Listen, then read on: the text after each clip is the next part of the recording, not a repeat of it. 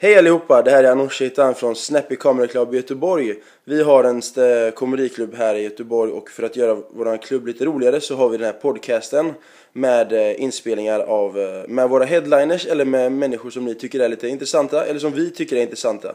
Ehm, vi har shower minst en gång i månaden men inte nu under sommaren så för att fylla ut detta så kommer vi ha jättemånga gäster nu under sommaren. Och med oss idag har vi en, ehm, en Göteborgsprofil hela vägen från Göteborg, Joakim Geigert. Tack så mycket. Välkommen! Hela vägen från Frölunda. Hela vägen från Frölunda. Ja. Väldigt göteborgskt. Ja, det kan man säga att det är. Ja, vad, vad kul att ha dig här och kul att du kunde komma på så kort varsel. Ja, jättekul. Ja. Att, eh, det är rätt roligt eh, introt. Eh, det handlar om comedy och, Ja. så, och så jag kommer jag. Ja, så Jag är kommer- ju ingen komiker. Nej, fast jag tror de flesta relaterar till något roligt i alla fall. Tror jag. Ja, men jag hoppas nog att det är så. I och med att jag höll på mycket med tv och.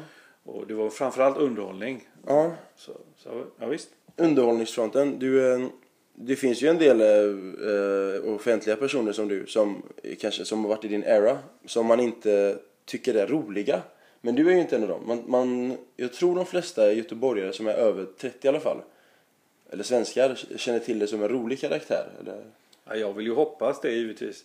Eh, Mitt syfte här i livet är ju inte att springa omkring och tycka att alla, eller alla ska tycka att jag är rolig. Nej. Nej, Jag har ju lite andra saker för mig. Men eh, det, det som jag har gjort tidigare och det som jag har lagt bakom mig inom tv-karriären hoppas jag verkligen ska uppfattas som att, att man eh, har haft kul själv. Att, att det var roligt att titta på det. Mm. Tycker jag. Ja, och eh, programmen, det programmet som jag minns som du har haft det är ju Nu eller aldrig. Mm. Och vad gick det ut på?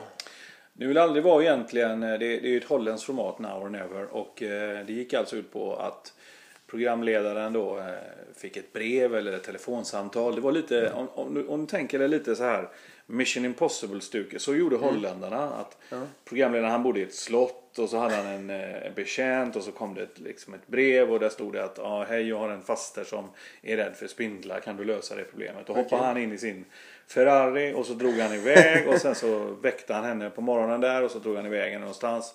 Och då hade han riggat eh, typ eh, att hon skulle få röra lite spindlar och sånt där. Och så, så erbjöd han henne pengar. Hon vägrade ju då. Till slut så kom han ju till en gräns där hon inte kunde tacka nej. Okej.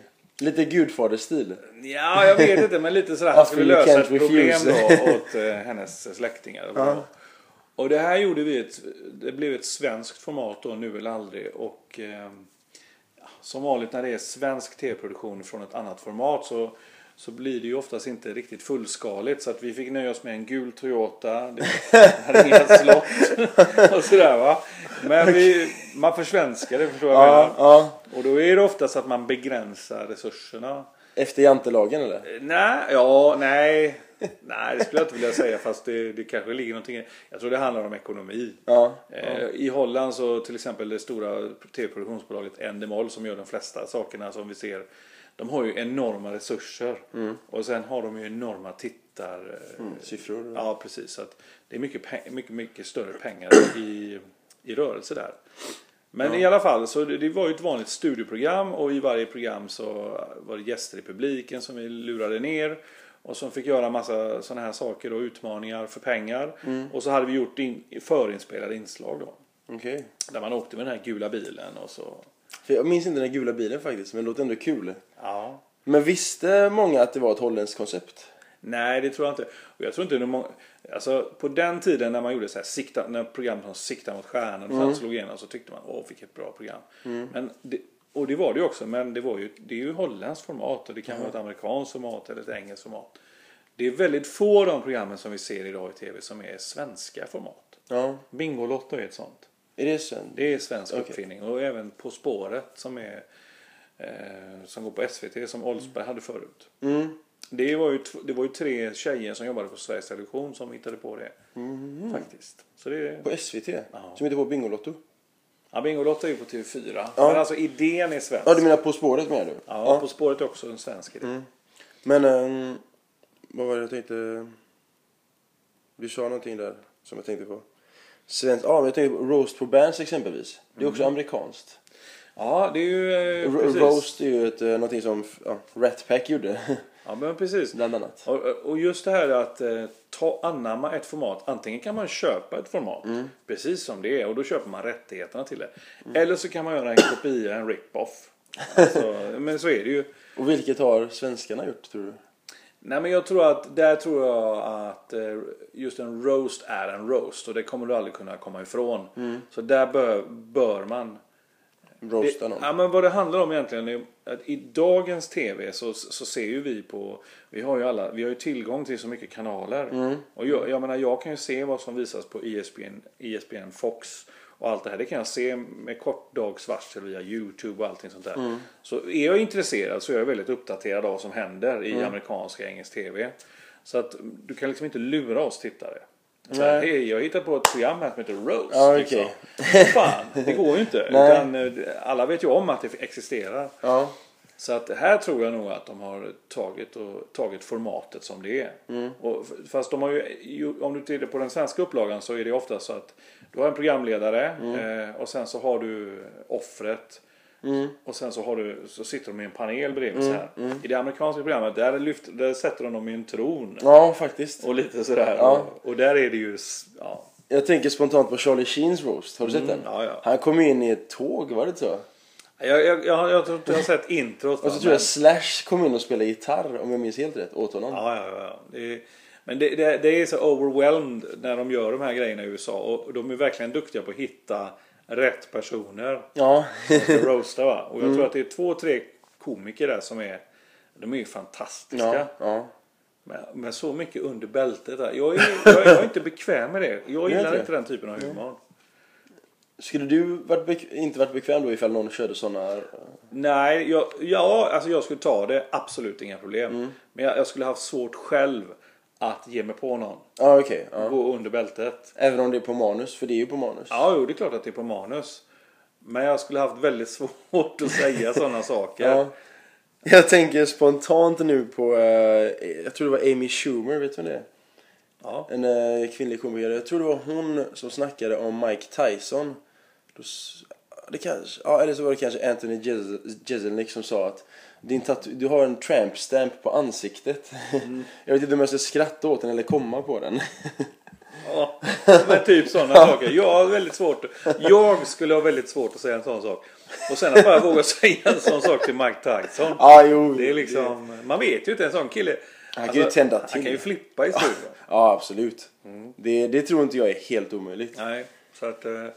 Men ha, vi har ju inte någon i jämförelse med Mike Tyson i Sverige. Typ Jackie Arklöv i sådana fall. Nej, det har vi inte i och för sig. Nej, men skulle du ta... Eh, vad är han heter nu? Eh, Persbrandt. Ja. Mm. Eller Örjan Ramberg, någon av de här eh, sk- svenska skådespelarna som man vet har ett hett eh, temperament och så här. Mm. Skulle de lacka ur? För de har ju den här möjligheten, alltså de har ju den här, eh, Jargongen. ja de har den stilen och den jargongen och sen har man ju läst om dem också hur de kan flippa ur. Ja. Nu tror jag i och för sig Persbrandt har lugnat ner sig va, men det finns karaktärer där ute som minsann skulle kunna Tappade. tappa. Ja. och det i och för sig hade varit kul. ja, jag, jag tänker nu på eh, Paolo Roberto. Eh, det finns ett YouTube-klipp på när han misshandlar en unge. Har du sett det? Nej, det har inte gjort. De är på någon fotbollsplan ehm, och så ska de typ brottas eller någonting under någon filmtagning. Ja. Eh, de- Det är någon slags rehearsal. Och, ehm, och någonstans i detta så får den här ungdomen ner Paolo. Och så blir det lite så här lite jujutsu-aktigt nästan. Och så blir han lite sned. Så ställer han sig upp och örfilar upp honom och typ sätter fingret mot hans ansikte och hotar han. Ja, oj. Ja, det var typ två, tre år sedan tror jag det var om jag minns rätt. Det finns kvar på Youtube. Ja, det har jag inte sett faktiskt. Jag känner inte Paolo. Jag vet att han har en, han har en bakgrund eh, där han var en så kallad värsting. Mm. Eh, kungen av Kungsan. Kungen av... Kungen av Kungsan var ju hans smeknamn. Okej. Och det är ju Kungsträdgården i Stockholm. Han var Okej. alltså, han härjade in i stan helt enkelt och så. Och sen så. Men det här har han ju pratat öppet om och sen har ju han hur kampsport och sånt här eh, hjälpte honom och hur han kom tillbaka och hittade, hittade till sig själv. Och Ja. Nu är han ju en framgångsrik person. Han, är ju, han gör ju mat, eh, Ja. matlagning och han är programledare. Säljer pasta. Säljer pasta. Han är en egen produkt. Jag har faktiskt testat hans eh, vad heter det? Jag har testat Glenn Strömbergs pasta. och Jag har testat, för jag gillar italiensk mat. Och, Mm. Jag måste säga att Paolo Roberto har lyckats väldigt bra med sin Okej, mat. Ja. det var reko alltså? ja, helt okej. Okej. Helt okej faktiskt. Ja. Men, men mer om dig, förutom just nu eller aldrig, vad, vad har du gjort mer? Eh, för jag, när jag skrev detta på Facebook och Twitter igår så sa Mm. Fick du inga svar? Nästan inte. Men det var, de jag fick svar av var ju över 30. Jag är ju bara 24. Men eh, så sa jag, när jag säger Joakim Geigert så säger ni vad då? Så var det någon som sa eh, Hagge, Mm. Din far som också var programledare. Ja, det var han ju. Fast egentligen var han en teaterdirektör. Pappa var ju, från början var ju han journalist. Okej. Eh, han är uppväxt i Bo, Dalsland, Bohuslän där uppe. Ja. Och jobbade på Bohuslänningen. Sen stack han till Stockholm för det gjorde han på 40-talet om han ville lyckas. Och det gjorde han ju när hans mamma gick bort också. Eller min, det, det blir ju min farmor då. Mm, mm. Och eh, så drog han ju till Stockholm och det, det är ju där han kom fram så att säga. Och han, han var ju skicklig på att skriva och han var skicklig på att kåsera. Alltså, han var väldigt duktig på att skri- skriva och, och sådär. Och var väldigt bra med människor. Så han började jobba på Kungsträdgården på ett, i ett företag som heter Stockholmspropaganda. Det var ett nöjesföretag. Och då hade han underhållning på Kungsträdgården varje söndag. Det- Live alltså? Live på scen med massa gäster och sånt där. Men inte inspelat? Nej, nej, Nej, nej. nej. Det, det fanns inga tv på det, på det sättet då. Okej. Så började han sin underhållningskarriär. Och han skrev, sen började han ju skriva revyer. Mm. Så jag tror hans första revy skrev han i Uddevalla, gjorde han i Uddevalla vid 50-talet någon gång. Så han skrev ju 30-tal revyer och sånt där. Det var ju hans stora grej. Han var teaterdirektör. Okej. Och sen så halkade han väl in då på tv genom att han var i den branschen och jag menar titta idag, idag är du alla möjliga är ju programledare. Det räcker att du är med i en dokusåpa. Ja, Big Brother. Du, ja men så Ja. blir du programledare. Du kan ju vara duktig som kock och så blir du programledare. Ja. Så det är väldigt eh, jag ska inte ta udden ur yrket programledare för jag har ju varit det själv. Men Ja. det, är, det är inte världens svåraste sak. Nej. Det, jag, Det är jag, faktiskt jag, jag tänker på typ Carolina Gynning och gänget. Och de, eller vad heter de? Big Brother-tjejerna. Ja. det, sen var det ju, vad heter hon som var tillsammans med Bingo också. Den unga tjejen från Göteborg. Ja, jag kommer inte ihåg. hennes namn nu men. Ja, Men vad jag menar är ja. att eh, sen- visst det är brister i kvalitet och sånt där och sen eh, sen är det olika, olika kvalitet på de som sitter där. Men eh, både på gott och ont så jag menar du, du har ju fått frågan för att du kanske har någonting. Carolina Gynning drog ju tittare för att hon var vacker att titta på. Mm, ja. Men sen måste jag säga det att jag såg ju henne i det här, hon hade något TV4 så- program där de hade någon sån här halv sju program. Ja, Jag tyckte hon skötte sig jättebra. okej. ja. Kanske, alltså, om du är docka, dokusåpaskådis så är du väldigt utlämnad. ja, absolut. Speciellt du- på Big Brother. Ja, och sen har du, du det är så svårt att hantera en sån situation. Hur ska du vara? Hur, och jag tror att just i Big Brother, där släpper du efter det. Efter ett tag så skiter du i kamerorna. Du, du, Jag tror också det faktiskt. ja, Ja. En del gör ju inte det, men jag tror att det, till slut så släpper man bara efter och så blir man bara sig själv. Mm. Fast med en jävla massa sprit. Ja, jävla massa sprit och uppgift, uppdrag att göra. Det var ju lite Ja, men, ja, tänk om de inte skulle ha uppdrag. Vad tråkigt. Ja, jävlar vad tråkigt det skulle vara. Folk som ska bara sova och ja, äta och sova. Och jucka. Ja, typ. Ja, Mm. men så eh, tror du att din pappas yrkesval påverkade dig eller ville du bli programledare? Nej, det vill jag. Ja, alltså grejen var så här. Jag, jag är ju uppväxt med honom. Jag jobbade på teatern. På Lisebergsteatern. Nej, men jag gjorde allt möjligt. Jag, jag, eh, Skådis? nej, nej, nej. Nej. Jag bakom alltså. Alltid jag bakom. sålde program. Jag skötte Spotlight. Jag eh, hjälpte till bakom allting. Allt möjligt. Jag var ju ganska liten då. Ja. Och sen ju större jag blev så när jag skulle börja jobba så jag hade jag ju sommarjobb på Liseberg. Mm. Så jag jobbade i parken på somrarna med Parishjulet och sådana Ja, grejer. okej. Och sen Alltså som värd? Eller? Ja, du vet, dra biljetter och Okej. köra grejerna. Och, Ja. ja, och sen på och sen på vintrarna så jobbade jag uppe på teatern då. Ja. Med pappa och hans produktion. Och, och det var en jätteapparat där för att när han skulle sätta upp en sån här uh, ny teaterföreställning då satt ju han och skrev i flera månader. Och under tiden så skulle det här marknadsföras. Och då hjälpte jag honom. Jag hade ju körkort så jag fick ju liksom trycka upp affischer och åka runt till närliggande städer. De här Borås, Alingsås, okej. Kungsbacka Ja. där. Och träffa deras bussbolag och sälja biljetter till dem och sådär. Det är ändå driftigt. Ja, och det, man lär sig mycket av det där. Och, så att eh, jag hade absolut det här med att vara programledare och sånt där. Det, det, det kom senare. Och det kom av att jag själv sökte till... Nej, jag var anställd på ett företag som heter New Sports. Jobbade som marknadsansvarig där. eh, Kan man säga. Ja. Eh, Och då min chef han, han jobbade som säljare hos Gert Eklund, han som skapade Bingolotto. Okej, ja. Och då visade det sig att Gert Eklund skulle starta en ny tv-kanal som skulle heta TV21. Och då säger han till mig, jag, ja. och då säger han till mig så här. Fan, du som håller på med sånt här, ska inte du söka? Jag bara, Nej, det har jag inte ens. Tänkt på. Nej, men så till slut så fick han mig att gå dit och söka och då gjorde jag en pilot. Eh, Och då, jag blev intervjuad och sen så, det var typ 300 pers som gick dit. Ja. Och sen så ring, blev jag uppringd av någon producent och sa ah, vi gillar så, vi vill att du ska komma hit och ett program. Ja. Så det var ju där jag började. Och då, det var rätt in i hetluften. För TV21 det var så här att där, och, jag menar, kommer du till SVT eller TV4 idag Mm. så, och ska göra en tv-produktion så är du så uppassad. Du har ju allting. Du har smink, du har skripta, producenter, regissörer, kameramän. Allt på rubbet ja. va. Värdinnor när du kommer till entrén. Ja. Lunchrestauranger Ja, har de. ja. Allt. eh, folk som tar hand om det. Här kommer du liksom och då är du, ja vad ska vi göra? Ja, nu, då fick man lära sig att skripta, man fick lära sig att binga, producera, regissera. inte köra kameran, det fanns det folk då. Ja, Så vi gjorde i stort sett allting och det var direktsänt en timme. Det hette 3 till 4. Så mellan 3 och 4 så stod man där live utlämnad. ja men det var så. Det är väldigt tuff läxa ändå. Det var den bästa skolan. Eh, och eh, och, och det, jag, jag kan säga så här, jag har gjort mycket direktsänd tv efter. Jag har gjort mycket fotboll och sånt där. Mm, mm. Och just det här live-biten där, den har jag ju fått från, från den här perioden så att säga. Och vad hette det programmet sa du? Det första där, Ja. 3 till 4. 34, okej. 34. Klassiskt. Ja. Men vilket år var detta? 93 tror jag. 93. Ja. Och, och vad var konceptet? Alltså vad snackade ni om egentligen? Nej men det var ju ett und- det var ju så här. Det var jag mot tittarna kan man säga. Och det var lite, inte Bingolotto i miniatyr men nästan för att vad, man, vad tittarna kunde göra är var att ringa in till programmet och tävla på en massa olika sätt. Ja. Och så vann de priser. Som Ja men det var... bilar? Nej, det var väldigt begränsat. Lågbudget? Väldigt låg Ja, okej. ja. ja, men det var väldigt låg budget.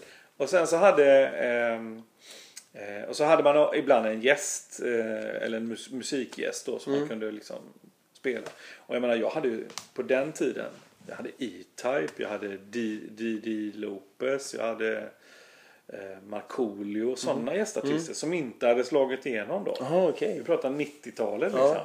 Som hade någon eh, sån här agent. Ja, jag har en artist där, kan inte de få vara med i ditt program? Ja. E-Type, han stod i min, i min studio. och Ja, han var inte alls känd då? Nej, han, var, han hade inte slått igenom. Det är så när vi gjorde ett program eh, på TV3 som hette Vad du vill en gång i tiden. Då, då fick vi ett, eh, eh, vad heter det? Då, då hade vi alltid en gästartist Mm. i programmet. Det kunde vara Mat- Mats Ronander eller Jerry Williams eller någon. Men så hade vi ofta så här, om det var någon artist som var på gång från England så kunde vi ha dem. Och då hade vi bland annat fem tjejer från eh, England. Spice Girls? Nej! Jo. Va? Ja, liksom de sprang omkring där små, små flickor liksom. Och Hur gamla var de då? Det kommer jag inte ihåg. Men det, året efter så är det bara pang va. Och då Jävlar. åker de alltså runt hela Europa och gör sådana här promotions-grejer då. På eh, olika TV. De ställer upp på det gratis alltså? Nej men de skickar, de har ju sin agent och, och så. För, det var antagligen i samband med hela den Spice Girls castingen som de gjorde. Så precis när de, när de fem tjejerna hade satt samman så skickade de iväg dem till sådana här bara för att bli kända. Igenkända, ja. Ja, så vi fick dem ganska tidigt kommer jag ihåg. Men det är ju ganska kul. Så, Ladies and gentlemen, Spice Girls. Så kom de ur en limousin och så sjöng de den här Wannabe. Mm. Och sen var det färdigt liksom. Och sen så, ja nu går vi vidare till nästa tävling. Det var ingen mer De var inte ens så viktiga. Nej, det var ju så. Det är ganska kul. Ja. Och sen sitter man på tv liksom på, och ser det här MTV så här, tre månader senare. Och shit, vad är detta liksom? De blev ju verkligen världsartister. Ja. Det, um, mina föräldrar kommer ursprungligen från Iran och där är det ju väldigt restriktivt med vilken musik som får och inte får spelas. Mm. Och eh, Madonna fick spelas, Spice Girls Det och förvånar Backstreet- mig. Alltså, ja, Madonna. ja. Hon, eh, men hon är väldigt Irankär. Okej. Om man kollar på Golden Globes, hon vill alltid dela ut när det kommer till Iran. Dela Mm. ut priserna när det kommer till dem. Okej. Och eh, hon har ofta haft eh, iranska flaggor på sina musikvideos och sånt. Okej. Men hon är väldigt eh, pro det som var innan alltså, eh, Mm. shahens tid. Eh, Men trots det så, Madonna, Backstreet Boys och Spice Girls minns jag spelades i taxibilarna. Eh, Jag minns det väldigt väl att just Spice Girls spelades bland annat. Du Och, ser. ja, då är det väldigt stort. Ja, du ser. Det är tack vare vårt program. ja, exakt. Tack vare vad du vill. Ja. Så, så, Nej, vad du vill var faktiskt mitt eh, nemesis i tv-branschen. För jag, jag var liksom så här, visst, vi- det var inte så här, ska jag få fortsätta eller inte? Så gjorde vi det programmet och det gick inte riktigt bra där. Så jag blev, jag kommer ihåg det att jag och Adam Alsing blev inkallade till programchef Mikael Asperborg. Och så ritade han upp ett diagram. Då hade jag varit här i sju år tror jag. På TV3. Och då ritade han upp ett diagram så här. Där han satte prickar liksom på. Ja, här är dåligt och här är bra. Och så, och så ja, här är ni två. Så ni måste lämna företaget. Och ni var långt med det? Ja, vi var liksom, de hade gjort en sån här, om du tänker dig en sån här skala där, ja, jag vet inte, om du tänker dig ett eh, Diagram. diagram Ja. kan man säga med krysset i mitten. Mm. Och så, vi hamnade långt ner till vänster. jag och Adam. Så vi satt som två frågetecken, vi fattade ingenting. Men till slut så fattade vi, fan vi har nog fått sparken här. Jävlar. Ja, Men vem, vem var högst upp till höger då? Eller vilka? nej det sa de inte utan det var bara kryss. Utan de pekade bara på två kryss och sa det där är ni två. Herrejävlar. Och då har de gjort en sån här undersökning. Då, så att det var första gången man liksom fick, oh shit va. Det är, folk, tycker, ju- folk tycker ju liksom. De tycker ju högt och lågt och sådär. Och nu går det ändå väldigt bra för Adam. Ja, alltså Adam har ju... Han har ju ångat på. Han har ju fortsatt där på det sättet. Liksom. Jag, för mig blev det liksom... Jag, jag hade ett år kvar på mitt kontrakt så jag fick ju inte göra någonting. Jag blev ju helt... Jaha, du var låst. jag var helt låst. Eh, Och sen så gick det något halvår efter det så blev jag uppringd av ett eh, företag som skulle göra fotboll live. Eh, Allsvenskan då, kom hem. Sådana här pay per view matcher då. Mm. Vilket år snackar vi om då? Ja, det här är 20, början på 2000 Okej. där. Och då var jag där i tre säsonger. Jag tror jag gjorde 300 matcher någonting. Mhm. Både hockey och fotboll då, som programledare. Och det var, det var jävligt roligt. Något du känner det passar dig? Ja, det passar mig väldigt bra. Så jag har ju hållit på väldigt mycket med sport och så efter det. Men, men hur kommer det sig att just du är så insnöad, insnöad i eh, idrott? Är du själv en idrottsman? Nej, det kan man inte påstå. Nej, men jag, jag har alltid gillat för, eh, fotboll och hockey och så när jag var liten. Jag är född i Stockholm och pappa tog med mig på Djurgårdsmatcher väldigt tidigt. Så att jag är ju På hockey eller på fotboll? Ja, både, både och. Jag gick på Hovet och tittade på Djurgården och så gick vi på Stockholms stadion och Råsunda och tittade på Djurgården fotboll där. Så att, eh, det satt, och så när vi flyttade hit och så när jag kom till Göteborg första gången då snackade jag så här vet du. Jag gick omkring med Djurgårdströja. Och folk tyckte jag var dum i huvudet va. Men Det förstår jag. Ja, så, sen har jag ju väldigt lätt för dialekter så det tog bara några veckor så pratade jag så här. Ja. Riktig göteborgska då. Ja, för det tycker man ju. Jag tror att många som inte researchar det tror att du är göteborgare. Ja, men jag är ju göteborgare. Jag, bo, jag har bott här sedan jag var 11 år och då måste man på något sätt räkna. Sen är det vissa saker som jag inte kan släppa. Du kan ju aldrig släppa att du är född i Stockholm. Det kan man inte göra. Eh, Det kan man aldrig ta ifrån en liksom. Är du fortfarande djurgårdare? Absolut. Du är det? Alltid. Jävlar. Är det offentligt? Ja, oh ja. Om inte annat så är det nu. Nej, det är, nej, nej, du är lugnt. Det, är, det vet folk om. Åh fan. Så att, eh, ja, ja, ja. Så du byter klack när Djurgården kom hit? Nej, men, nej det gör jag inte. Nej, det gör jag inte. Nej, men jag står ju inte i någon klack. Jag vet att jag, när jag, jag var medlem i något som heter Blue Saints förr i tiden. Och nu är jag medlem i Järnkaminerna. Men det är som ett, jag är ju stödsupporter liksom. Ja. Men jag står aldrig i klackar och sånt där. Det gör jag inte. Du kastar inte in bengaler? Nej, det gör jag inte heller. Det gör jag verkligen inte. Jag är, jag vet inte, jag är Just det här med bengalen, nu byter du lite spår där. Ja. Men där, där kan jag säga, där, där, där har jag där delade meningar hur jag, vad jag tycker om det egentligen. Mm. För det är klart att det är en säker... Jag jobbade ju på Örgryte fotboll i två år så vi brottades mycket med sådana här saker. Jaha. Vad jobbar du som då? Ja, då var jag kommunikationschef. Mm. Men just det här med bengaler och eh, knallskott och sånt där. Det är ju vad folk inte riktigt fattar. Det som är fräckt med det. Jag kan säga så jag tycker det är fräckt. Mm. Jag gillar kulturen, jag gillar ultraskulturen. Det här med bengaler och, och, och Trummor och sånt, trummor? Ja. och, och hela det här liksom. Vuvuzelas? Nej, fy fan. Det är det värsta jag vet. Det förstör ju ett helt fotbolls-VM. Ja, det minns- Ja, så det. jävla myggor hela tiden. Ja, fan, det borde de ju förbjuda va. Men, Med eh, knallskotten? ja, men knallskott och bengaliska eldar va. Det är ju faktiskt eh, en säkerhetsrisk. Och bengaler till exempel, det är ju så jävla varmt. Mm. Alltså det är fruktansvärt varmt. Och, och när folk kastar sådana saker rakt in i en hejaklack alltså. Det, är, det, är, det är livsfara. Det är det alltså? Ja, ja, det är flera tusen grader och så rök, rökutvecklingen som kommer eh, efter den. Så att, det är klart att det skulle vara bra om det gick att använda sådana här bengaler och rök om man kunde kontrollera. På ett Så. säkert sätt? Men det kan alltså. man ju inte när man bara tänder den så här mitt i en... Jag har ju sett matcher i Sverige där de precis när matchen ska börja så tänder de flera hundra sådana här. Och så Oj. står de och håller dem. Och så blir det rökutveckling och så blåser domaren, säger, säger domaren, nej vi får gå av plan och vänta. Tills röken är borta? Ja, det tar ju en kvart för fan. Oj. Ja. Så att det där är... Det är ändå ett stort problem Ja, på många eh, sätt. Men varför arrangerar man inte att man själv står för pyromanin, alltså pyrotekniken? Men det är ju folk som har försökt göra det och jag kommer ihåg när, eh, när IFK Göteborg och eh, ÖIS till exempel spelade sina derbyn på, på Ullevi, den stora. Då vet jag att då fick de arrangera pyroteknik för då, då kunde de stå på inneplan. Där vid löparbanorna. Då är de långt ifrån publiken och då kunde de liksom bränna av de här grejerna. Gjorde de det innan matchen då? Ja, i så fall innan matchen då.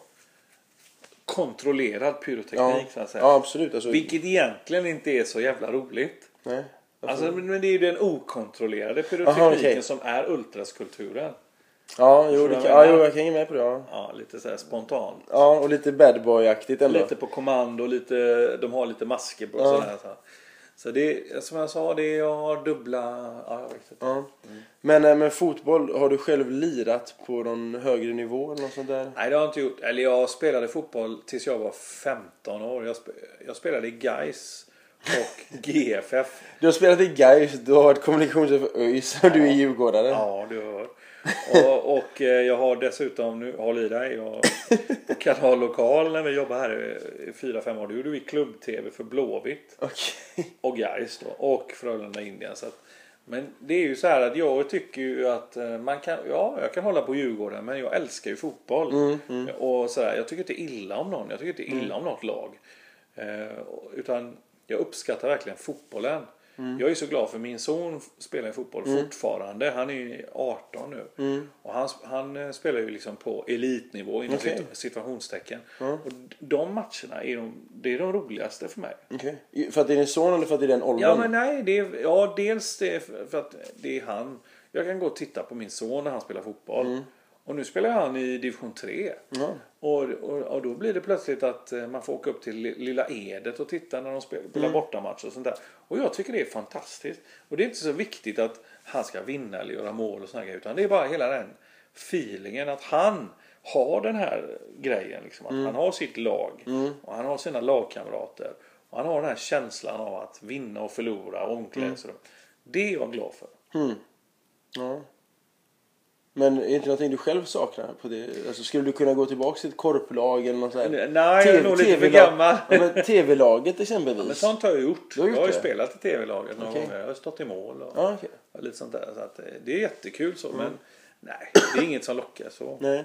Jag är ju mer en åskådare. Ja. Men jag tänkte på ehm, för fotboll, ehm, nej hockey där. Eh, Du sa att du även eh, kommenterar hockey.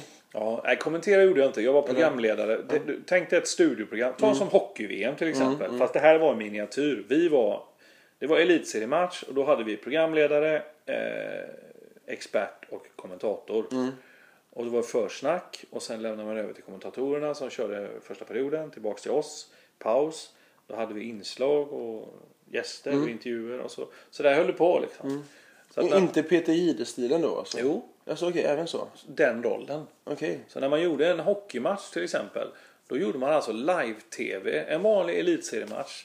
Det var ju två och en halv timme live. Där där själva matchen är en timme Ja, ungefär. 20 gånger 3.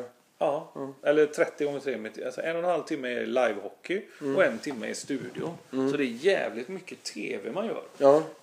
Och på en sån kanal så är det inte reklam heller. Nu pratar vi om pay per view. Okej, vi, kan, vi kan lämna för att tala om vad som kommande program. Ja, Men okej. på TV4 till exempel när du ser på en landskamp. Mm. När det blir paus då säger de så här. Ja, då ska vi strax analysera första halvlek. Men först lite reklam. Och så Ja, kör de reklam i sex minuter. Ja.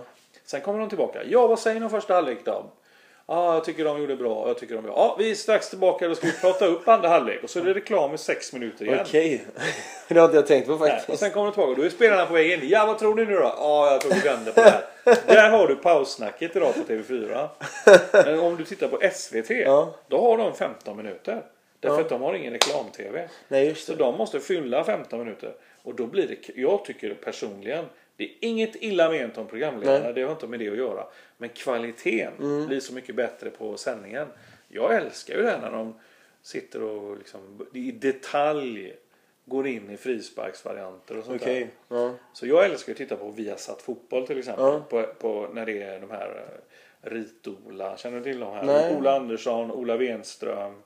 Ja, här, ja, men, eh, ja, ja, när de sitter och analyserar grejerna. Premier League till exempel. Då. Jag älskar ju sånt. Liksom. Ja, personligen eh, så har jag aldrig hållit på med någon fotboll. Eh, Jag har alltid hållit på med kampsport. Så jag kan ingenting om fotboll faktiskt. Men jag har många vänner som spelar fotboll. eh, eh, Tobias- Iran är ju klara för fotbolls-VM. Ja, de vann igår och blev eh, utbuade av koreanerna för det. De fick flaskor på sig allt vad det var. Åh fan. Ja, Såg du inte det? Nej, jag såg inte det. Men jag får gratulera. Tack, ja. Men eh, han eh, Kim Jong-Choo eller vad han heter som var Sydkoreas förbundskapten. Ja. Han började hota Irans eh, förbundskapten som heter Carlos, något sånt där. Jag har ingen aning vad han heter. Eh, han sa att han ska få han att gråta blod. Oj. Alltså hade han Carlos typ kört upp näven och bara ja det här ska du få så hade det blivit något tjafs där. Men Oj, eh, så oj. stängde de av den där eh, sydkoreanska då tydligen Mm. väldigt omgående av Fifa eller något sånt där. Det är hårda papper. Det är väldigt hårda papper. Ja. ja, men det är ändå kul tycker jag att eh, Iran eh, går till fotbolls-VM. ja. Alltså i slutspelet. Det tycker Mm. jag. Sen så eh, tycker jag, jag är ju född upp i jag känner mig väldigt mycket, jag är ju väldigt mycket mer svensk än iransk. Men jag känner också att det är samtidigt synd att fokusen går bort från eh, frihetskampen i Iran, alltså i, i politisk eh, synpunkt, synvinkel. Men eh, de får ha sitt roliga VM i Brasilien. Ja, ja, men jag tror att jag förstår, jag förstår du säger där. Men jag tror samtidigt att just sådana här moment är viktiga för landet. jo, absolut. Det är ju faktiskt så. Alla så kallade totempålar som man kan Ja, samlas ja. runt och glädjas. De är jätteviktiga. Har du eh, sett videon Change Brazil? Nej, det har jag inte gjort. Har du hört talas om det då? Att, eh, varför man inte ska åka till Brasilien under VM? Nej, det har jag inte gjort. Men jag, jag misstänker att du är inne på kåkstäderna. nu Ja, och lite jag sånt är där, ju- och hur de har uppre- gjort det här ren, äh, rensat Ja. upp. Jag var ju där när de rensade. Okej. Eh, jag, var jag själv jag kör ju brasiliansk jiu-jitsu. Mm. Så jag var där på läger 2011. Eh, just i en favela, en kåkstad som heter Vidigal. Mm. Eh, som David Fjell och de var på nyligen och filmade med. Mm. Och då ser man ju hur jävla rensat det har blivit. Det har blivit så städat, så rensat. De kör ju över med pansarvagnar rakt över skjulen där människorna bor. Mm. Och pushar ut dem ut till landet. Ja, jag har förstått det. Dödar hundar som går löst och dödar människor också. Ja, De har väl nolltolerans när det gäller eh, vad jag förstått nu. I och med att de ska dels ha ett fotbolls-VM. Sen ska de ha ett OS. olympiskt spel också. Så har ju de infört nolltolerans då för eh, rån, rånare och lite sådana här saker. Då. Så att eh, jag har förstått att eh, det är hårdhandskarna på. Mm. Vi, vi tränade faktiskt med deras, de har ju olika slags, de har ju vanlig polis och så har de typ Bomberos som är brandmän men de är även typ livvakter på strand, eller badvakter och eh, men lite ändå citypoliser kan man säga. De, de har vissa authorities att typ kanske hjälpa någon och så vidare. Sen har de vanlig polis, sen har de militärpolis. Sen har de något annat steg, sen har de något som heter Boppa, Boppy. Har du sett filmen Troppa Elit? Elite? Ja, det har gjort. Ja, det, det är Boppy. Och eh, deras emblem är som den är. Det är en dödskalle. Det finns två delar va? Finns det inte det? Ja, två, det är sant. Ja, den ena, första är lite mer på favelan, den andra är lite mer om systemet. Men, ehm, och de har approachen av att de har en dödskalle med två knivar, eller en kniv rakt igenom skallen och två pistoler bakom. Det är polisens alltså, styrkelogga. Ja. Och vi tränar med många av de här Boppy-poliserna. Och eh, det är för att det har varit så himla korrumperat i Brasilien. Men nu har de Boppy-styrkan som verkligen rensar. Och de har no mercy. De dödar. Eh, och favellorna är ju så himla stora. Man tror inte det. En av favellorna heter Rosinha. Som är världens största. Den har fyra miljoner invånare. På en, en kåkstad på ett berg. Det är inte klokt. Nej, det är inte klokt. Och eh, när Boppy gick in där 2011 så på en dag dog 3000 killar där. Eh, gangstrar eller vad man ska kalla det. Så det, är- det är väldigt grovt, det är väldigt stort. Och, eh, Ja, jag har förstått detta. och Och, den här utsträckningen kan man inte jämföra med Sverige heller. Alltså, Nej. du kan ju inte döda 3000 pers och, och inte få media att skriva om det. nej. För det skrevs ingenting om det. Nej, det verkar som att de eh, går i masskopi då med allting. Hela landet är i masskopi med varandra. Absolut, ja. För att lösa det här så kallade problemet då. Ja, och den kvinnliga presidenten där, eh, det spelar ingen roll om att hon är kvinna, det är jättebra att det är kvinnliga presidenter, men hon är ju väldigt... Eh, hon blund, hon, utåt blundar hon väldigt mycket. Jag vet ju att hon är medveten om allt som händer, men utåt så är hon väldigt mycket... Och Brasilien har blivit bättre ekonomiskt och Brasilien har blivit bättre, fast det har det inte blivit. När en liter mjölk ligger på 24 kronor. Men hon är en bricka i spelet. ja, absolut. Så är det ju. Det är absolut, ja. Men ska du på VM i Brasilien? Och det, det har jag inte ens eh, funderat på faktiskt. Eh, Jag vet att eh, en gemensam vän till oss, Nubbe, han, Ja. han ska åka. Det har han ju sagt. Det kommer viktigt för honom. Ja. Men eh, nej, jag har inte ens eh, tänkt tanken ännu. Inte? Nej, men... eh, Trots att du är som fotbolls... Eh, Ja, fast eh, det här med resa på stora mästerskap och sånt. Visst, det är jätteroligt att se sådana matcher. Men så, jag är inte den personen som Ja men du vet blå, blå landslagströja och åker iväg och sjunger Ja, okej. och sådär. Jag är inte riktigt den personen. Jag har ju varit på Jag kommer ihåg när det var VM i Tyskland. Då var jag på två matcher. Det är inte så länge sedan faktiskt. Och du är ganska nära ändå. Ja precis. Då Kan kunde man ju som dra över bil, ja, då bilar man ju ner. Och såg två matcher. Men eh, nej. Polen eh, nu sist här. Polen, Ukraina. Mm. Jag, nej, det, Ja. nej, det, jag var nära liksom. Så här, ska vi inte åka ner? Men så tänkte jag, nej jag orkar inte det. Det är kul under 90 minuter va. Men sen, det som är efteråt och före och hit och dit och High Chaparral och man bara vill hem liksom. Man vill inte sitta där i Ukraina va. Med, med, en, med en trasig vodka och undra vad fan ska jag göra nu liksom. Sen så, eh, nu vet jag inte så mycket om Ukra- Ukraina, men jag har sett på Youtube hur polska supporterfans är. De verkar ju vara helt åt helvete. Ja. Eh, I Polen Inte så... att jämföra med Nej. Black Army. Nej, och nej, nej, verkligen inte. Black Army är ju, är ju egentligen också...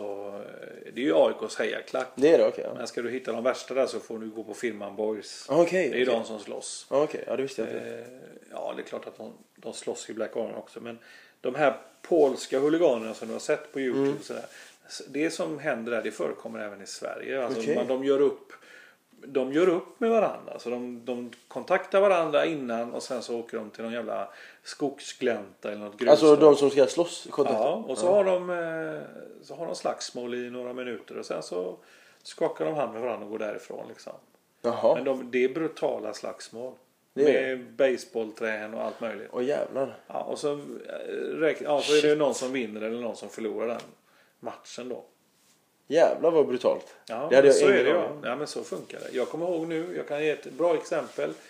Ett aktuellt exempel. Mm. Eh, jag, vi var ute och tittade på, vad heter det, division 2-fotboll tror jag det är. Eh, Läring Mm. Angered mötte Assyriska BK.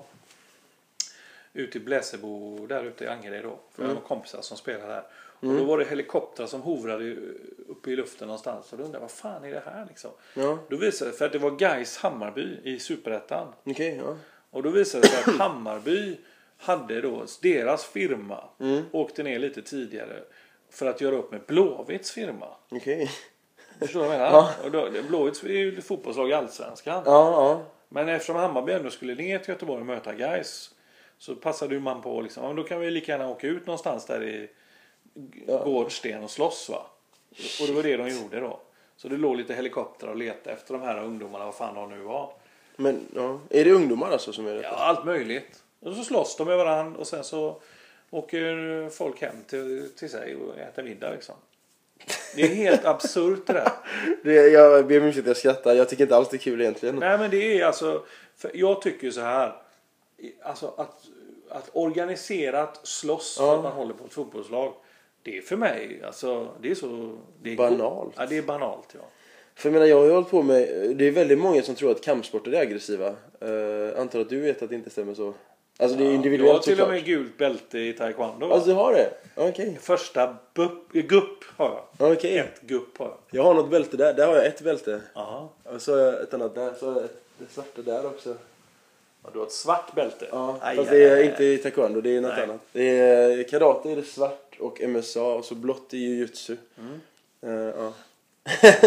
men, men det jag ville säga är att många har fördomar ofta att om kampsporter är aggressiva.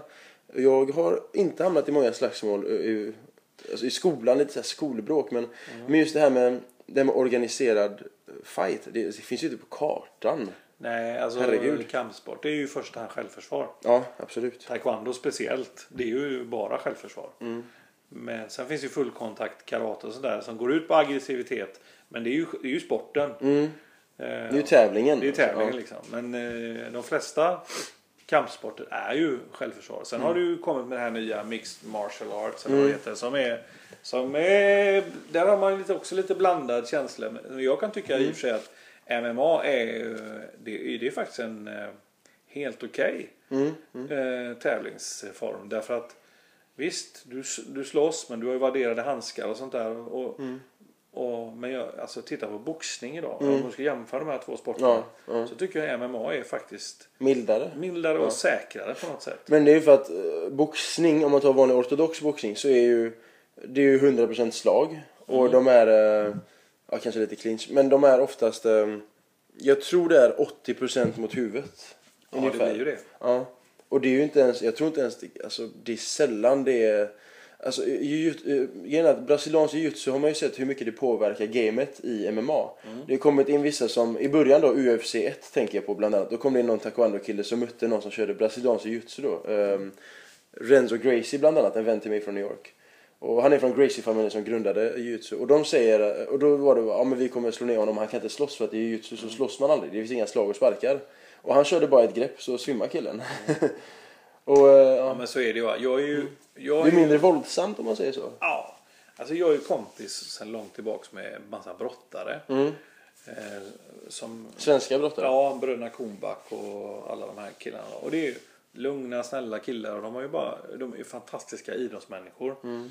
Eh, och sådär, och, men de har ju aldrig använt brottningen någon gång så att säga för att eh, försvara sig eller någonting. Utan det, det är ju men det har ju hänt någon gång att de har blivit utmanade på skoj så här av andra kampsportsmänniskor. Alltså, på lite på, på, lite på skoj Mm. sådär. Och för att de tror, ja men brottning, vad fan, du har väl ingenting att komma med. Nej, ja. Men det är precis som du säger. De här killarna, alltså de går bara in och låser och tar ett grepp. Absolut. Sen är du Ja, körd ja. alltså. och jag har ju själv testat på detta för vi har ju skoj, man skojar ju bråkar lite grann med dem ibland. Ja. Och ibland har vi varit på Örgrytes brottningslokaler Okej, och så ja. har vi spelat innebandy. Jaha. Och då blir det så här, På när det blir lite, ja, ja, när det blir lite tufft sådär. Så brukar de ju kasta varandra sådär. Och då vill man ju känna på dem lite grann. Ja. Du vet, du, alltså, det är helt, ja, det är helt sjukt hur en kille som väger 70 kilo kan liksom lyfta mig Ja. och slänga runt mig och, och lägga upp mig på axlarna och hålla på. Det är helt sjukt. Jag Ja. kan inte fatta det alltså. Ja, det är ju tekniken. Det är ju det är absolut inte styrka. Ja, det, det håller jag med om. Jag minns, vi körde en gång på, ehm, jag gick på Nylöse brottningsakademi. Den låg ute i Nylöse, ja, på, nu ligger den i Hjällbo förut låg den i Gamlestan. Och då körde vi sån uppvärmning en gång så kom ett gäng poliser och ville köra med oss ungdomar och det tyckte vi var hur jävla kul som helst. Så körde vi fotboll som uppvärmning. Och ehm, så latchade vi lite med dem men så sa vi sen att nu kör vi brottning att den som har bollen får man kasta. Alltså du får göra något svep eller något kast. Så var det så kul att vi som liksom tioåringar fick liksom göra ett krysskast på en Bamse-polis. Ja, ja, ja. Det var hur kul som helst faktiskt. Och där ser man, då var jag typ 10 år, jag kan inte ha vägt mycket. Ingen aning, 40-50 kilo kanske. Så Men man, bara teknik. bara, absolut bara teknik. Ingen styrka där på en tioåring. Nej, så Men eh, kollar du mycket på kampsport? Nej, det gör jag inte. Ja, det gör jag faktiskt inte. Det, förr gjorde jag det. Jag kunde titta, liksom, ligga och slötitta sådär på... Men skulle du kunna gå på en MMA-gala i Göteborg? Ja, det, tanken har slagit mig några gånger faktiskt. I och med att jag, jag känner ju Eddie Bengtsson till Ja, ja exempel. det är nära vän till mig också. Ja. Och, så och han har ju gått en del matcher och sådär. Men så samtidigt så tycker man det är lite... När man känner någon. Ja, så. Mm. ser man någon bli mörbultade va. Det tycker jag är lite sådär. ja. Men jag förr, jag var och tittade på brottning mycket. När, när Martin och Torbjörn de här när de brottades Martin- i Kornback. okej ja. Och När det var VM och även Micke Ljungberg. Vi var, ju, alltså, vi var uppe och tittade när han vann VM i Globen. Och sådär. Okej. Helt fantastiskt. ja. Så att, eh, Känner du Osama Aziz också? Ja. ja okej, ja. Eh, Väldigt nära vän till mig också. Jajamän. Han, eh, han, är ju, han är ju en av de få personerna i världen, eh, den enda jag känner till, som har haft på sig två olika OS-dräkter. En för boxning, en för brottning. Ja. Han är ju sjukt duktig. Ja, det, är, det är helt otroligt att man... För det är väldigt... Det, det är två helt skilda sporter. Ja, alltså. absolut. Han, eh, han kallas ju Rolls Royce inom kampsport. Eh, För att han behärskar dem. Ja, han är så bred och, och han är ingen hycklare på det sättet som många kampsporter kan vara. Att de, de försöker vara råa framför tv, sen är de snälla efteråt. Han, han är alltid den han är. Och alla kommer in med typ, eller de flesta kommer in med så här death metal musik. Han kommer in med någon eh, ragg, eh, typ så här Robin Thicke lite, smörmusik. och eh, sen så är han ju väldigt, eh, han, är ingen hycklare i det att du skulle aldrig hitta han på McDonalds. Nej. Utan han, han gör sin mat hemma och han är väldigt noga med sin mat och kost. Och han går på yoga varje morgon, det vet jag. Och han joggar varje kväll. Så på det sättet är han verkligen en ren kampsport, en ren idrottsman. Ja. Han går ju sin sista match nu. Han gick sin sista match i Stockholm men så fick han höra att den, den galan, Superior Challenge, ska gå i Skandinavium. Så han ska avsluta där. Sådär ja. Som 42-åring. Boxning då? Eh, nej, MMA. MMA? Ja. ja. Han kör det också. Ja, och han har kört, jag tror han har kört sex, eller kanske tio matcher någonting. Väldigt duktiga resultat faktiskt. Spännande. Ja. ja, han är jätteduktig. Så din första fråga om jag går och tittar på sånt är att kommer jag gå på den här galan? Är det du... Ja, det är ändå Göteborg, det är Skandinavien. Ja, det är i och för sig. När är det? 23 oktober, november. jag. Ja, ska jag fundera på det. Ja. Jag är hemma då så. Ja. Men lite för att snurra tillbaka till dig. Ehm, Jag tänkte på eh, offentlig person som du är. Man, man hör inget dåligt om dig. Men man gör om många, många andra. Ja. Alltså ja. Bingolotto vet man, han, han, han har man hört super och kör snabbt. Och eh, Glenn Hysén hör, hör man att han super och han är väldigt obildad. Och man hör mycket. Ja, man hör mycket. Men man ska, inte, man ska inte tro så mycket på det man hör. Nej. Oftast. För oftast är det ju, sk- skvaller är ju skvaller. Ja, Så är det ju ja. bara. Och eh, sen är det ju så att alla de här offentliga människorna de är ju också vanliga människor. De gör ju precis som alla andra. De, Mm. Fel helt enkelt som alla göra. Ja, precis så. Eller om det nu är fel det man gör. Ja. Liksom, att man tar ett par bärs för mycket. Liksom. ja, men, Ja. Så är det ju va. Så att, det handlar ju bara om vad man själv har för uppfattning om människor. Alltså offentliga människor. Tänk om vi skulle ta bort alla skvallertidningar. Ja, Vad fan skulle, hur skulle det se ut liksom? Väldigt tomt. Ja men alltså du, du, det, du, får du inte det här äh, korridorsnacket på jobbet och har du hört det och allt det här liksom. Okej. Ta bort allt skvaller. Mm. Jag menar, vad fan ska vi med det till? Du tycker det är onödigt? Nej, det är onödigt det är det ju inte. Skvaller är ju kul. Ja. Men, nu talar jag emot mig själv. Men jag tycker så här att skvaller är ju, det är ju förödande. För många är det ju förödande. Ja. Du sitter ju själv och säger Bingolotto, han super och Ja. håller på så här. Ja. Vem vet om han gör det? Nej, det vet man ju inte. Man har ju bara läst och nu har, du, nu har vi spritt det via en podcast. Ja, ja. Är du med? ja absolut. Och då liksom kanske någon sitter, jaha han super. Ja. Alltså, Man vet ju inte vilket som nej stämmer. utan det, precis. va. Ja, skvaller är lite halvruttet sådär men Mm. ja, tyvärr då ganska kul ibland då. Man kan lyssna på så här. Det finns ju roligt skvaller också. Mm. Men eh, just det här att man ska försöka hitta negativa saker med människor och så här. Sen vet ju jag, jag känner ju många av de här personerna Mm, också. Jag vet ju mycket saker som stämmer och inte stämmer. Ja, okej. Men jag skulle ju aldrig gå och berätta det för någon. Nej, nej, men, är, ofta, är det oftast mycket som inte stämmer? Oh ja. Okej, är väldigt mycket. Ja, det. Ja. Så man ska absolut ta skvaller med mycket nypa salt? ja men det är ju så. Det, det, blir, det är ett litet frö och så, så blir det en pumpa av det va. Mm. Till slut. Mm. När det har gått via frisörsalonger och kompisgäng och restauranger och Ja, drinkar. och omklädningsrum och alltihopa. Ja precis. Och det blir ju bara värre och det bara eskalerar. Ja. Och så, så att, eh, Men jag har aldrig hört något illa om dig. Någonsin. ja, det, ja, det är väl bra det. Vad, vad tror du det beror på? Nej men det är klart att jag har gjort saker också som eh, lätt skulle passa in i eh, vad ska vi kalla det för skelett i garderoben. Jag har mina Gått över rött ljus och... Ja, nej, men jag har också skelett i garderoben och sånt här. Och, men jag försöker ju liksom att hela tiden leva efter den devisen att gör man fel någonstans så måste man försöka rätta till det. Ja, Okej. Sen, har, sen har man ju gjort omedvetna fel och sen har man gjort fel som man inte själv kan styra över. Men- Som, kan du ge ett exempel? Ja, men, ja, det kan jag göra. Det är ganska aktuellt sånt. Jag var med och startade ett eh, pokerföretag för Ja. En massa år sedan. Just det, du är ju poker. Du har till och med kommit femma i EM. Ja, bra. Ja. EPT i Barcelona. Ja, bra där. ja. Bra påläst. jag har en vän som är pokerproffs. Jaha, okej. Samer Rahman. om Ja, jag vet. Ja. Det väldigt väl. Ja. Han, eh, han skvallrade. Ja, ja, ja, ja. Sa att du är grym på poker. ja det vet jag inte om jag var. Men alltså, det, vi- vi höll på i den branschen så att säga. Mm. Och för mig så, den branschen, den var rolig i början men den eskalerade. Och sen så förstod jag att de människorna som rör sig i den här branschen, de, det, är, det är sådana som går över lik för att Ja. tjäna pengar och de kan hassla sina, sina egna vänner Mm. så att säga. Så jag försökte dra mig undan där men jag var ändå rätt insyltad i, ett, i den här pokersajten. Alltså jag var med och startade den så att säga. Sen har, det, sen har det varit en resa med den här pokersajten som inte jag har tagit del av men eftersom jag fortfarande är en av de som har grundat det företaget så är jag ju då i mångas ögon den som Ja, och det- Face, du är inte ansiktet ut på många sätt kanske. Nja, när jag har försökt att liksom ta- tagga ner det eftersom jag inte håller på med det längre. Men trots att du är offentlig så kanske det blir, Det blir automatiskt. Ja. Ja, och det här företaget har ju då gått dåligt beroende på att det har ju kommit fram här nu på slutet att, eh, att det har förskingrats en massa pengar Okej. eh, från eh, ja, de som har jobbat i det bolaget. Så att nu sitter vi och håller på med en utredning, vi som inte varit inblandade i bolaget och massa spelare, vart de här pengarna tagit vägen. Eh, samtidigt så alla de som jobbar med bolaget, de som var i driften, de som satt i styrelsen, de har ju bara liksom lagt locket på. Mm. Men jag och Nubbe, god vän då, vi var ju med och startade det här bolaget.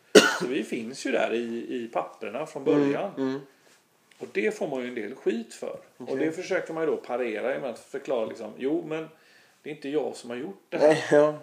Men samtidigt så har man ett ansvar någonstans. Så att där har du ett exempel då på hur ja, i den branschen då. Mm. Men, Men det eh, försöker vi rätta till på något sätt då. Även om vi inte egentligen så är det ju inte vi som ska rätta till det. nej. Men vi försöker göra det ändå. Mm.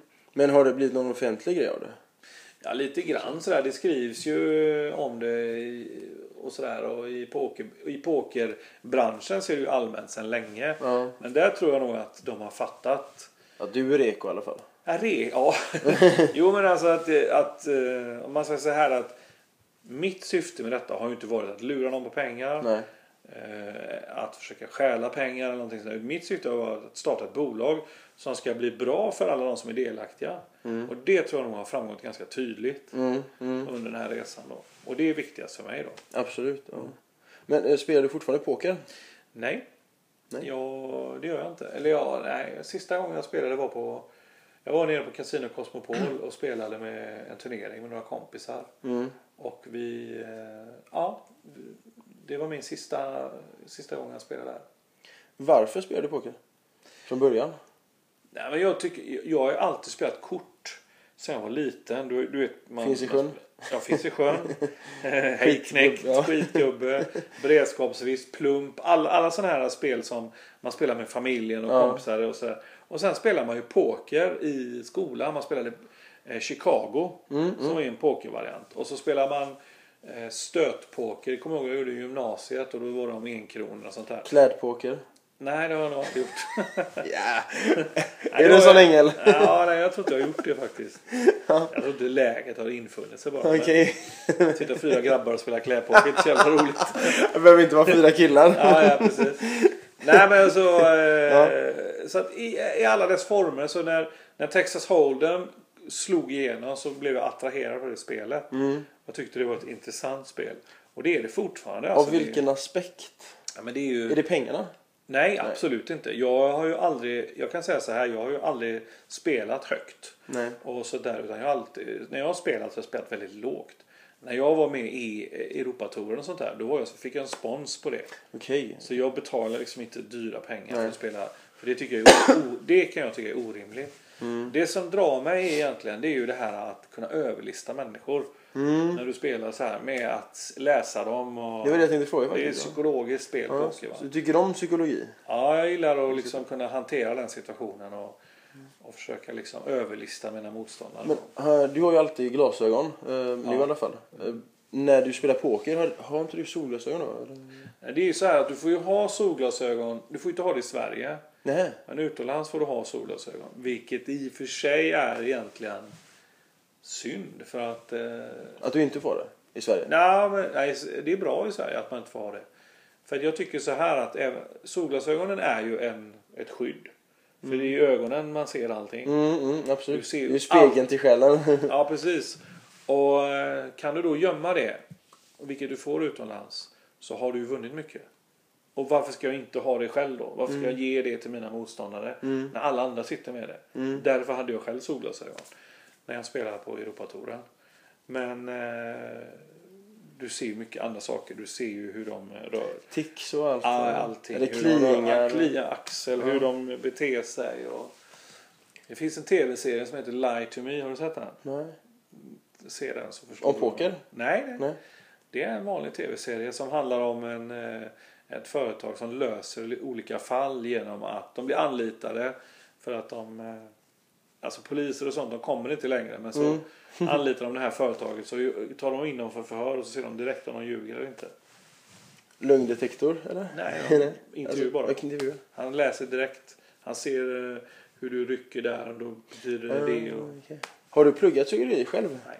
Skulle du Nej, inte? jag är färdigpluggad. Du är färdig. Vad, vad har du pluggat för något? Nej, jag har inte gått något speciellt. Jag gick ju vanlig ekonomisk utbildning på gymnasiet. Mm. Och sen efter det så har jag, sen började min resa Mm. med jobb och sånt. Mm. Tror du, lite tillbaks till pappa där, Hagge. Mm. Tror du att, eh, att det har påverkat att du fått komma med så mycket in i gamet? Att du heter Geigert? Ja, det tror jag. Eh, jag skulle ljuga om jag sa något annat. Det är klart att det påverkar. Alltså pappa, var ju, pappa hade ju ett gott rykte. Mm. Och kom han med det namnet så fick man ju mycket förspänt. Så Mm. var det bara. Mm. Så Eh, lite gräddfil har du Ja, fått? absolut. Det tror jag säkert. Sen om det är omedvetet eller inte, det vet jag inte. Men om man, om man till exempel ska gå tillbaks till vissa situationer och analysera dem så kan man tänka sig, ja fan det är nog därför. Men sen, å andra sidan så, så kan det ju också ge åt andra hållet lite grann tror jag. Jag För mycket förväntningar eller? Ja, nej men det kan också, nej han ska minsann inte komma här och tro att han... Okej. Den finns ju också eh, okej. Och den har man ju också fått uppleva liksom. Att då får man kämpa ännu hårdare. För att liksom överbevisa. Ja, typ. Tror inte att du ska få det gratis för att Nej, din pappa... Okej, lite den jag jargongen. gjorde mitt första tv-program, då visste inte ens pappa om det. Så att, att jag hade an- sökt och, att jag, och sen när jag väl hade gjort mitt första program. Till vad du vill då? Nej, det var det här 3-4 på 3-4, TV21. mm. Då fick jag en, en VHS som jag åkte hem och la så. Varsågod. så tittade han, vad fan är det här liksom? Och då satt han ju och analyserade den och så kom han och skrev det långt så här. Massa kritik va. här har du. Vad bra. Ja, ja. För jag... eh, Peter Wahlberg känner du eller? ja, lite grann så. Jag eh, turnerade med han 2011. Mm. Efter att han såg mig köra på Parken. eh, september 2011 såg jag mig köra där. Och eh, han tyckte om mig. Sen efteråt sa han att eh, efter, jag körde så kom han med en, typ två A4-papper. eh, Ett A4-papper med fram och baksida. Det ska du inte säga, det ska du säga, det ska du inte säga, det ska du inte säga. Alltså, det var mest negativt men det var väldigt bra. Kritik är ju, jag tycker skitbra. Det är den bästa, det är det bästa man kan få. Det är folk. Ja, men kritik är det bästa man kan få. För att om du, och så måste du kunna ta det också och kunna vända det till något positivt. Om du inte kan det så kan du inte utveckla det själv. Mm. För det handlar ju om att du ska ju inte, kunna ut, du ska inte själv stå där och, och liksom hitta lösningen på alla problem. När det står tusentals andra som är bättre än du Mm. och ger dig lösningen. Mm. Här har du, gör inte så, gör inte så. Så enkelt är det. Mm. För jag, eh, när jag hade Valbeck där, vi åkte iväg på en turné sen på 37 städer något sånt där runt om i Sverige. Och jag lärde mig mycket just av detta att han kritiserade mig hela tiden. Mm. Sen så är Wahlbeck väldigt speciell, men eh, han kritiserar på sitt sätt. Han kan ju ibland göra det live på scenen. Ja, ja. Det ska jag inte göra. Han bara okej, då så står man där och skäms lite. Eller ganska mycket. ja. Men, eh, men varför började du egentligen med TV? Alltså vad var anledningen egentligen? Ville du... Ja, alltså det var ju så Varför, smått. varför stod du inte bakom kassan i McDonalds? Exempelvis. Ja, det, ja, jag har ju gjort det också kan man säga. Mm. Jag, jag jobbade ju på, jag har jobbat på hotell, jag har Som... en nattportier. Okej. Eh, hotell Gothia. Ja. det var länge sedan. Ja, sen har jag jobbat med min pappa då med programförsäljare och sånt Mm. där. Och jag, jag har varit säljare i butik. Jag har eh, jag har gjort de mesta grejerna. Men så när jag fick den här chansen att göra det här testet. Mm. Då gjorde jag det därför att jag ville, det var en utmaning. För jag själv var ju en sån här klassens clown. Mm. Så att jag gillade ju att stå där framme och ha roliga timmar. Hålla låda. grejer. Ja, hålla låda och så här grejer. Jag tyckte det är kul. Så att för mig var det en utmaning att och bara klara jag det här liksom. Mm. Och det visade sig att jag gjorde det. Och då visade det sig också att i och med att jag började jobba med den produkten där så såg jag, men vad fan, här kan man ju liksom, det här kan man ju fortsätta med och utveckla. Mm. Och utan jag visste ordet var så hade ju TV4 varit nere och tittat på, på lite olika programledare och så blev jag kontaktad och så ja, ska jag komma upp till Stockholm och göra lite så här. Glöm inte tandborsten och sådär. Mm, mm. Just det, det var någon som skrev det också på, det, på Twitter där. Ja. Eh, glöm, först var det någon som skrev Hagge, sen var det någon som skrev Hagge igen, sen var det någon som skrev Glöm inte tandborsten. Sen var det någon, jag vet inte om personen var seriös eller inte, som skrev Fula jeans. ja, det vet jag inte. Vad, är det någonting? Nej, jag vet jag inte vad det är. Min fru jobbar ju på ett företag som säljer Rare. Ah, Okej. Och jag har ju nästan bara Rare jeans. Okej. Tycker man Rare är fula jeans så ja. Jaha, okej. Ja, för den här tjejen var lite äldre, eller mycket äldre än mig. Och hon skrev eh, fula, bara fula jeans. Och jag tänkte kanske något program eller nå- någon tabbe du hade sagt typ till någon du intervjuade. Åh, fan fula jeans. Nej, ingen aning faktiskt. ja, Annars är ju Rare ganska populärt märke. ja, Ja, så det säger väl en hel del om... Eh, där ringer duren. ja, av den. Ja. Ja, vi, vi ska avrunda. Mm. Eh, absolut, vi har haft det jättelänge eh, här nu. Vi är jätteglada. Jag är jätteglad att du kom hit och speciellt att du kom hit på så kort tid. Ehm, för podcasten och för mig själv. För jag har ändå alltid sett dig på rutan och alltid ehm, tyckt att du har varit eh, en rolig kille. Eh, jag, tror, jag tror jag har dig och Peter Settman i samma kategori nästan. Åh, det var fin kritik. Alltså okej. Peter är ju en av våra bästa programledare. ja, okej. ja. Utan konkurrens. Ja. Han till och med utbildad programledare. Han är det? Ja. Oj. Så där är, ja, det var väldigt snällt. Okej. ja, det säger jag Är mest. du och Eddie Izzard? Ja, tjena, hur mycket vill du låna? Eddie, ja. Nej, men jag säger det mest för att, ehm, för jag växte ju upp med dig och Pet- Peter Settman på rutan och jag tyckte alltid att ni var de roligaste, eh, för de andra var för vuxna. Jag tycker Bingolotto var för vuxen. Ehm, Fan vad gött. ja, Brandeby däremot, han, han älskade jag på, jag- fast jag tror alla älskar han. Ja, Lasse en god människa. ja, för han fick mig, han fick mig också att skratta som barn. Kurt Olsson då eller? Eh, ja, ja, och uh, på Rena Rama Rolf där. Eh, och även Gustav. För Gustavsson tycker jag kunde vara lite för vuxen humor ibland för mig. För det var inte alltid jag skrattade. Jag satt och kollade på det med min farsa ofta. Ja. Och eh, varje gång Brandeby sa någonting, då garvade jag. Men eh, jag garvade inte varje gång Gustavsson sa någonting. För att jag förstod inte alltid som liten. Nej. Men, Men då är det Göteborgshumorn då som är... det är din grej va? det kanske är det. Eh, men det är faktiskt du och Peter, Peter Settman som alltid varit kul. Ronny Raggegren skrattar jag alltid åt. Och så du med eh, det där Nu eller aldrig. Mm. Eh, sånt fick mig att eh, skratta väldigt mycket. Och, och skratt är ju någonting ovärderligt tycker jag. Det är den Det förlänger bästa medicinen. Ja, Ja, bästa medicinen. Ja. Ja. Kommer vi se dig någon gång uppe på scen som komiker? Nej, det tror jag inte. Jag... eh, För du det- är ju konfatt mycket. Ja, det gör jag mycket. Och det, och det, men jag, är, det säger jag, jag säger det när, när folk ringer mig och frågar och jobb och sådär. Så här, jag är absolut ingen komiker, säger jag. Och det det. säger jag ju för att jag inte... Det, det är klart att jag kan vara rolig. Men jag vill liksom inte, jag vill inte ha de förväntningarna på mig att jag ska stå där i 5-10 minuter så att folk ska bara ligga och vika sig i stolarna. När jag jobbar som konferencier eller moderator då vill jag liksom leverera innehållet. Och oftast är det liksom, alltså jag vill rama in det som händer. Oftast är det så att när man är konferencier då har man, det är oftast artister som man presenterar och då, då lägger man det ansvaret på dem istället. Jag är ju ingen komiker. Nej.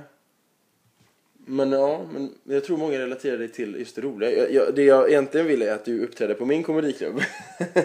Fin, finns den möjligheten att du kommer gå upp och köra en femma någon gång? Säkert. Säkert. Men, eh, ja, säkert. Skulle du kunna skriva ett manus tror du? Det, ja, det skulle jag säkert kunna göra. Mm. Det tror jag. Oj, vad, vad tror du det skulle innefatta? Ehm, Ja, själv, Personliv. Självdistans Ja, självdistans, Ja. Och lite sådana. Jag tror att det, det Alltså mina personliga favoriter när jag tittar på stand-up. Ja. Jag tittar väldigt mycket på Comedy Central och sånt där. Mm. Eh, Och då, jag gillar ju Eddie Izzard. Det är min absoluta favorit. Jag har du sett- gick på hans konsert också? Ja, jag har gått på alla hans konserter. Ja.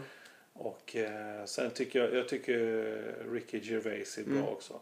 Jag gillar den typen av liksom lite mer laid back, lite... Alltså de har ju... Eddie Izzard har ju den... Alltså han har ju den konsten att pausera Mm. och ändå göra det på sånt jävla bra sätt. Han tar ju in dig i en historia. Ja, precis. Och att, att, att han alltid har en story. Och de berättar att han plötsligt blir två, tre personer som pratar med varandra och för en dialog. Och, och du är liksom, ja, det, han, är geni, han, är, han är ett geni när det gäller de här grejerna. Så att, och just det här med självdistans, att de själva är en del av problemet. Att det är hemma i, hemma i deras kök och hemma i deras vardagsrum och deras familj. Det gillar jag. Under bältet har jag svårt för. Mm. Eh, Jag menar, jag kommer ihåg en gång jag var i Stockholm och tittade på Lenny Norman. Va? Mm. Och eh, visst, det är kul folk skrattar men det är för att de är ju dyngraka. Va? För mm. Det var bara snusk. Bara snusk. Va? Low, uh, lowbrow kallas det. Hela tiden. Va? Och sen, ja visst. Men det, då kan man tänka sig att han kanske körde den jargongen då. Men sen har jag sett honom efter det och det är samma grej liksom. Mycket snusk va. Men- jag, jag en- gillar inte det. Mm. En komiker som, eh, nu tänker jag eftersom du drog upp Ricky Gervais då. ehm, han är ju superintellektuell verkligen, han är ju smart. Mm. Men Louis CK då? Eh, ja, har jag nog sett någon gång. Vet du det? Ja. Orange hår, ja. Jajamän. Men eh, är det någon favorit? Nej, det är Nej. det inte. Det är ju så. Jag, jag, jag kommer ihåg när han Pablo Francisco slog igenom. Mm. Var jag och tittade på han också här i Sverige när han kom. Och jag gillar ju hela hans mimik och hans sätt att hantera mikrofonen och, Mm. och sånt där. Men det är en annan typ av standup. Eh, Det går inte att jämföra med Ricky exempelvis. Nej, det går ju inte. Det här är plötsligt imitationerna väldigt bra. Ricky håller ju inte ens en mikrofon ens en gång. Det gör inte Gervais. Eh, eh, Nej, de, eh, har ju, de jobbar med myggor. Va? Ja. Och sen, men den första, jag kommer ihåg, min första standup upplevelse det är ju ändå Delirious och Raw. Ja, okej. Ja. Med Eddie Murphy liksom. Och det gillar och, du? Och Richard Pryor. Ja, det gillar jag. Jag gillar eh, Raw när den kom. Han, alla imitationer. ja. Av Michael Jackson bra, och, liksom. ja. Men Eddie Murphy. och Bill Cosby också. ja, men Eddie Murphy anspelar ju mycket på sex också. Men han Mm. gör det på ett snyggt sätt. Det tycker jag. Han gör det liksom. Det är inte det här. Det, han är inte så vulgär och plump. Utan han, han gör det liksom på ett jävligt snyggt sätt. Mm. Han, han säger, han går, han går näst, nästan ända fram. Mm. Sen räcker det att han gör en min så fattar folk. Ja. Okej, ja, ja, vi vet. Ja. Han behöver inte säga ordet liksom. Nej, fuck eller Nej. eller... Ja, Ja, fuck säger han ja faktiskt ja, men... Men ehm, Men han gör det på sitt sätt. Så det, ja. Chris Rock då? eh, Chris Rock, eh, ja, jo, jätteroligt så. Men det är ju återigen det här att när Eddie Murphy brakar igenom och är Mm. liksom som han är. Då är det väldigt svårt för en svart komiker att ställa sig precis bredvid honom och Mm. köra. För, för det, vad det handlar om här var att Chris är ju jävligt snabb i käften. Mm, mm. Det är ju det som är hans stora grej. Va?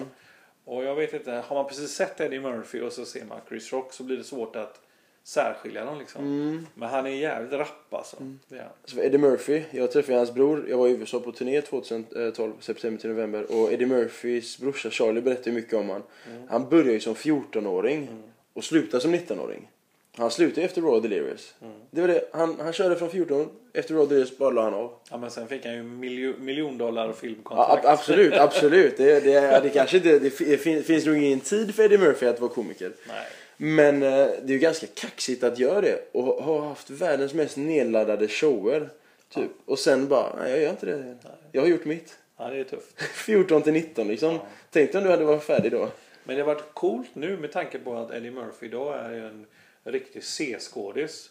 Alltså Ja. nu gör han ju bara sådana skräpfilmer Jag som, med hundar och grejer. Ja, han gjorde någon ny med... Eh, Ja men Dr. Fnuggeluggelur och sådana Ja. här filmer gör ju han.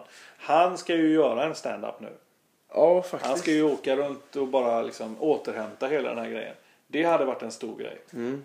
Och pröjsa 2000 per biljett kan han lätt göra. Ja, det hade jag gjort. Ja. Lätt. Ja, absolut. Ja. Men det var någon ny film jag såg med, men jag tror det var Ben Stiller som var med. Där eh, de var tjuvar och de, de skulle göra någonting, eh, inbrott någonstans och vad det var. Och då var han inte ens huvudrollen. Nej, du ser va. Han var nästan en statist. Ja. Det går ut för. Ja, men det jag tycker det är konstigt. För jag menar, eh, har du kollat någonting på Kevin Hart? Som är ganska ny och uppkommande. Nej. Vet du vem det är ens? Nej. Han har blivit hur stor som helst. Eh, Han har shower som Let Me Explain bland annat och eh, en väldigt, väldigt kort svart komiker som driver mycket om sin korthet och att han inte kan vara gangster bara för det. Känner jag igen. Ja. Väldigt roligt utseende, väldigt... Alltså, han, han, han är... Han är mm, man, man nästan kastskrattar sig alltså. Han, han är väldigt... Du skrattar åt han. Laugh at my pain och let me explain. Mycket om hur kort han är, mycket om hur dålig förälder han är, mycket om eh, att han försöker vara gangster i sina snygga bilar. Sen när han går av så når han inte ens upp till tjejernas bröst och väldigt mycket sånt. Det är min grabb det. Ja. Så skulle jag ha gjort också. Ja, Kevin Hart, alltså H-A-R-T, får du kolla upp det. Ja, jag ska kolla. Ja. Eh, jag tänkte på Kevin Hart, jag följer han väldigt mycket på Twitter och Instagram och allt vad det är. Och där ser man att han har stora tavlor med Eddie Murphy från Raw och Delirious som inspirationskälla i sitt hem. Du ser. Ja, Det är ju där det börjar. ja. Och då var han bara 14 till 19. Det är väldigt coolt. Ja, coolt. Ja. Och vi ska avrunda, vi, vi ska avsluta helt enkelt. Det har gått nu ett bra tag. Vi, eh, jag är jätte, jättetacksam verkligen att du kom. Tack för din tid, tack för dina ord. Vi hoppas till och med att du kommer en gång till kanske, någon gång. Det är hoppas jag med. Podcast, ja. Ja. Du har en egen podcast? Nej, det vill jag inte säga. Det vill inte säga? Okej. Vi, eh, vi har gjort ett litet försök, Ja. Mm. jag och min kolle- kollega. Men eh, det handlar mest om fotboll och sådär. Och vi, vi gör den ibland när vi tycker det är kul. Mm. Vad är nästa grej för dig? Nästa stora grej för dig? Jag har inga stora grejer just nu på gång mer än att jag jobbar. Jag har ett litet produktionsbolag som heter Klackar och grejer. Vi jobbar med fotboll. Bara? Vi, ja, film. Film och fotboll, det är vår grej. Ni spelar in vanlig film alltså? Spel. Ja, vi gör reklamfilm. Men vi, vi gör ju mycket åt IFK Göteborg och åt BK Häcken och de, vad heter de här, Kopparberg Göteborg. De här. Mm. Så att eh, mycket sånt. Mm. Så alltid bakom kameran? Eller? Ja, nästan. Ja, jag, istället, jag, eftersom vi, istället för att anställa en reporter så brukar jag ställa frågan också. Ja okej, ja. Men det är väl bara logiskt nästan. Ja, Ja. Och ekonomiskt. ja det blir ju det. Ja. All right. Ehm, tack så jättemycket att du kom. Tack så mycket tack. och lycka till. Tack så mycket. Vi tackar Joakim Gegard jättemycket och tack alla som lyssnar. Um, har någonting ni vill pika in på så skriv till oss på info.snappycomedyclub.se Följ oss på Twitter och Instagram med hashtag snappycc. Vi finns även på Facebook. Så är det någon ni vill att vi tar hit, försöker få hit, så, eller om ni vill ha Joakim hit igen. Ja, Ja, ja. Så um, skriv till info.snappycomedyclub.se eller till oss på Twitter. Jag har varit Anoush Hitan. Eh, Ni har varit underbara om ni har lyssnat. Tack så mycket.